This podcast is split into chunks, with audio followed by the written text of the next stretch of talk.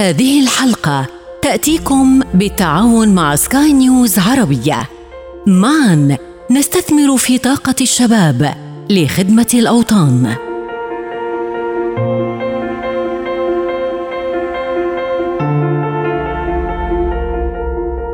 القراءة هي سفر ممكن الشخص ينحط بعدة مواضع هو ما عاشها ولكن يقدر يتعاطف وياها إلى حد كبير سر تقدم كل الشعوب وجميع الحضارات بسبب القراءة. أبي بكر الخوارزمي سئل وهو على فراش الموت قالوا له ما تشتهي؟ قال لهم النظر في حواشي الكتب.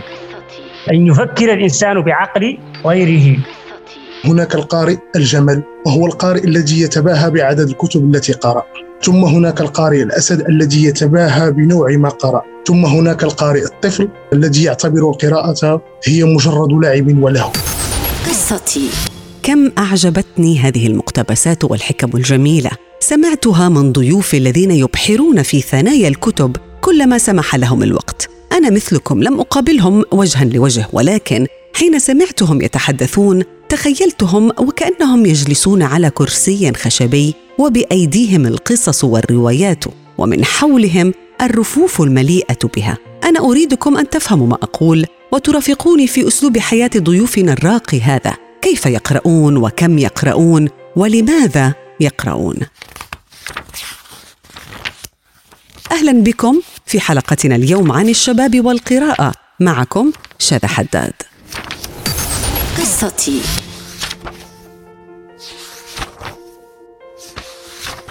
عندما أتحدث إلى شخص ويقول لي في منتصف الحديث بيت شعر أو مقولة شهيرة لكاتب أو فيلسوف فأنا سأقول بنفسي كم هو مثقف هذا الإنسان؟ وقد جذبني بالفعل إلى عالمه المثقف. الأستاذ الجامعي الشيخ التيجاني من موريتانيا قال لنا في البداية أنه يحب أن يتجول في عقول الآخرين والآخرين هنا يقصد الكتاب والروائيين الذين قرأ لهم مئات الكتب. هذه المتعة تبدأ مع ضيفنا على مائدة الإفطار وتنتهي قبل أن ينام كل يوم. عندما أستيقظ أخذ كتاب. بعد الفطور أخذ كتاب وأقرأ منه صفحات يوميا قبل أن أخرج من المنزل. لو كنت في مكان ووجدت أي فراغ أستطيع كذلك أن أقرأ كتاب عن طريق الهاتف. القراءة هي جزء من الحياة اليومية. عندما أتي للطلاب وأدرسهم أوقات الراحة إذا لم يكن عندي كتاب ورقي مصاحب لي أخذ الهاتف وأتصفح اللي هي الكتب التي اليوم الإلكترونية. أستفيد من هذه التقنيات الحديثة وأتصفح الكتاب الإلكتروني. دائما أعمل له ملخص. كلما قرأت كتاب نعمل عنه تلخيص. بماذا تفيدك هاي الملخصات التي تكتبها عن الكتب التي تقرأها؟ كلما كتبت الملخص كلما كان أبقى معي أكثر. يمكن الكاتب أن يكتب كثيرا لكن لا أرى بأنه إضافة وأنه لا يهمني أكثر. أخذ منه الأفكار الضرورية بأن الكاتب أضافها من خلال هذا الكتاب أو إذا استطعت أن أطبق بعض الأفكار أعمل ذلك. قصتي.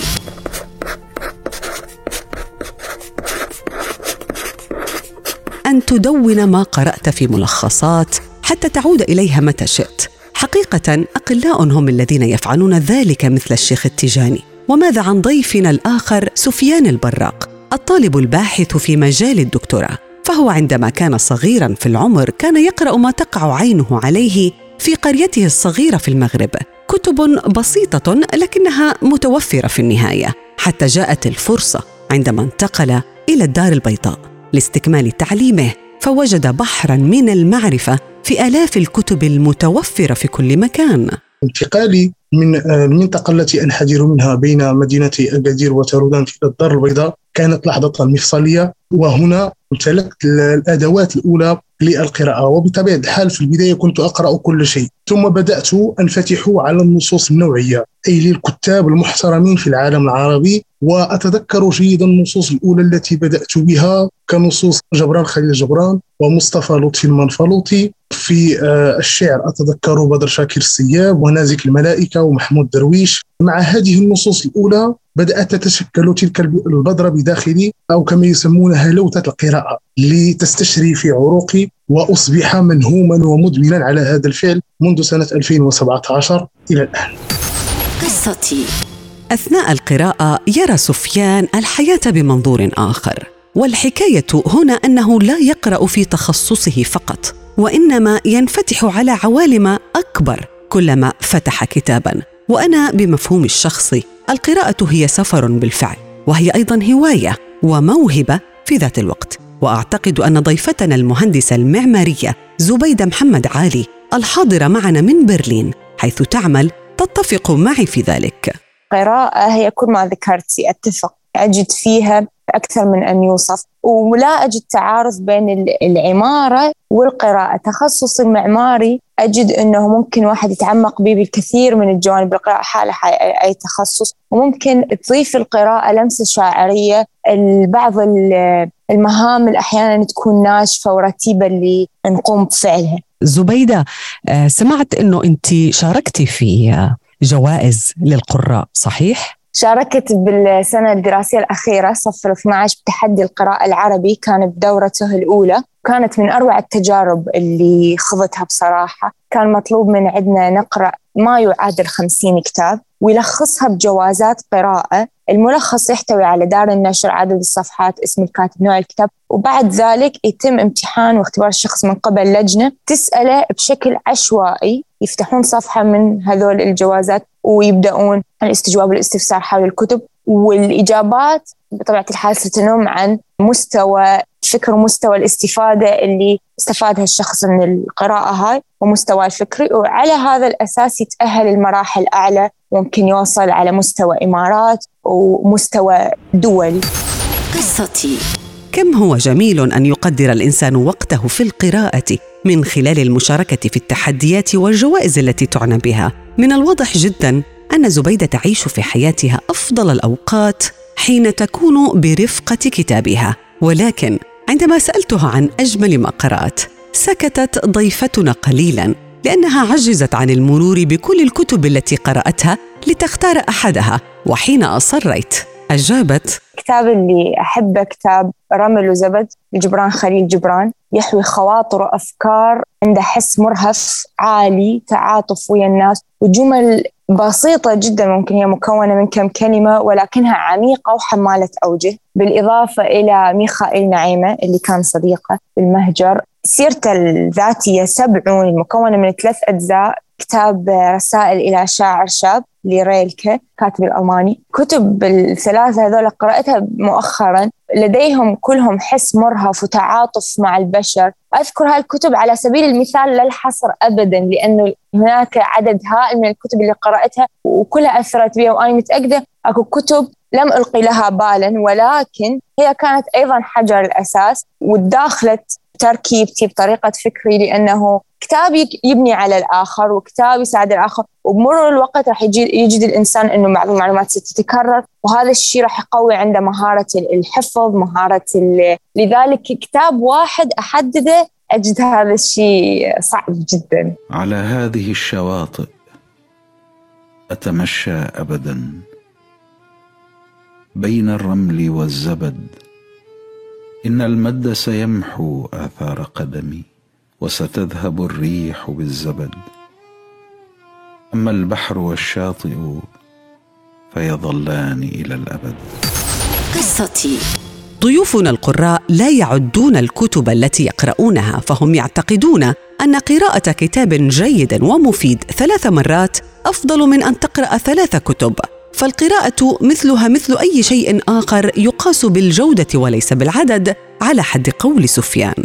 بخصوص الوقت لا حجة لي بأن لا أقرأ. ثانيا بخصوص الكتب أنا في الحقيقة لست من أولئك الذين آه، يبدأون في حساب عدد الكتب التي قرأوها لأن عندما تدخل في هذه الخانة تبتعد عن فعل القراءة الرصين أي القراءة بتمعن وبتأن وأنا أستحضر هنا تصنيف جميل قام به الفيلسوف الألماني نيتش لأنواع القراء فيقول بأن هناك القارئ الجمل. وهو القارئ الذي يتباهى بعدد الكتب التي قرأ. ثم هناك القارئ الأسد الذي يتباهى بنوع ما قرأ. ثم هناك القارئ الطفل الذي يعتبر القراءة هي مجرد لعب ولهو قرأت مؤخرا كتابا لأستاذي محمد الشيخ درسني بكلية الآداب هنا بالدار البيضاء والأستاذ محمد الشيخ بعنوان كتاب الحكمة العربية. وبما أن حديثنا اليوم وحديث عن القراءة فإنه قد خصص بابا كاملا اسمه باب القراءة. فبين في هذا الكتاب بأن العرب كانوا مهووسين بفعل القراءة فمنهم من قرأ وهو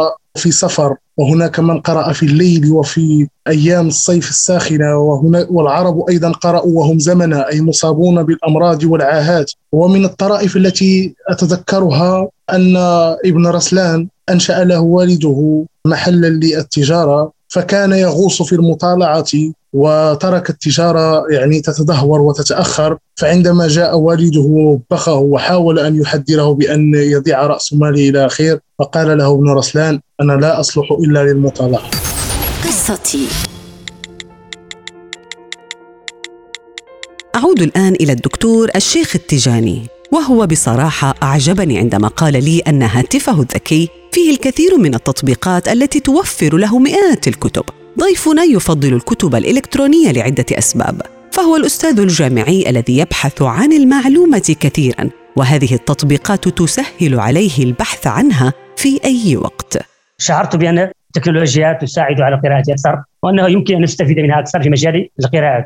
عندي جهاز فيه مئات الكتب وآلاف الكتب. حتى أن الكتاب نستطيع أن ننزلها على الهاتف. بدلا أن تكون عندك مجلدات عندك بيت مليء من الكتب عندك هاتف صغير فيه جميع الكتب. أنا تبحث عن كتاب معين أو عن كلمة معينة أو عن يستطيع الإنسان من خلال هذه الوسائل والتقنيات الحديثة يستطيع أن يقرأ أكثر وأن يتعلم أكثر لأن هذه الوسائل لا تكلفه شيء. أنا حتى أنه قبل أن يخرج مكان عمل لو عنده فراغ في أي وقت يستطيع أن يتصفح كتاب من خلال الهاتف. هذه التكنولوجيا تساعد على القراءة أكثر وعلى المعرفة وعلى التطور الذاتي لأن الإنسان من خلالها يستغل الوقت. قصتي زبيدة على العكس تماما. تفضل أن تلمس الكتب بين يديها وتلاحق الكلمات المطبوعة على صفحاتها بعينيها. رغم أنها لا تنكر التأثير الكبير الذي وقع على عالم القراءة بسبب الثورة الإلكترونية.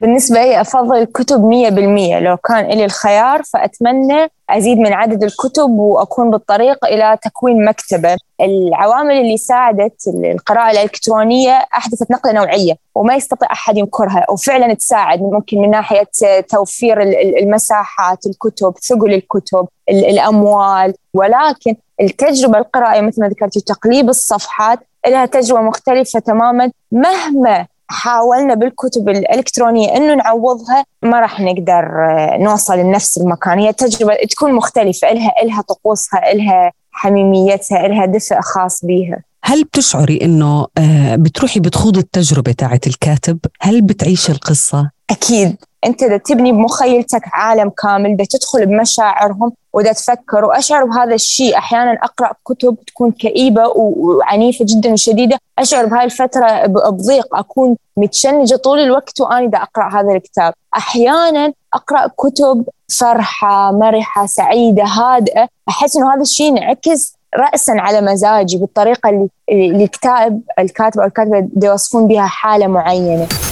قصتي. بالنسبة لي الموضوع يتعلق باحساسي والطقوس الخاصة بي التي أمارسها أثناء القراءة بصرف النظر إذا كانت على شاشة أو عبر صفحات بيضاء مشرقة. فالمهم هو أن أستقبل بقلبي وعقلي المعاني التي يعطيني إياها الكتاب أتذكر مرة عبارة قرأتها للروائي دوستويفسكي قال فيها إنه أستاذ بارع في فن الكلام بغير الكلام. فن الكلام بالصمت والكتاب في النهاية هو معلمنا الصامت. هناك في الحقيقة العشرات من من العبارات آه، ولكن الآن استحضرت عبارة جميلة جدا كتبتها الروائية المغربية المحترمة فاتحة مرشد في روايتها لحظات لا غير. وهذه العبارة تقول فيها عند الموت تدفن الضغائن. إنسان بمجرد أن يموت أو أن يمسه مرض فإن تلك الأحقاد تنطفئ وتتلاشى. ومثل هذه العبارات لا يمكن أن يكتبها إلا كاتب صانع. وكاتب بلغ مرحلة مهمة جدا في فعل الكتابة وراكم تجربة كبيرة في الحياة. قصتي. كنت معكم في الإعداد والتقديم شذى حداد وفي الإخراج نويل بولس.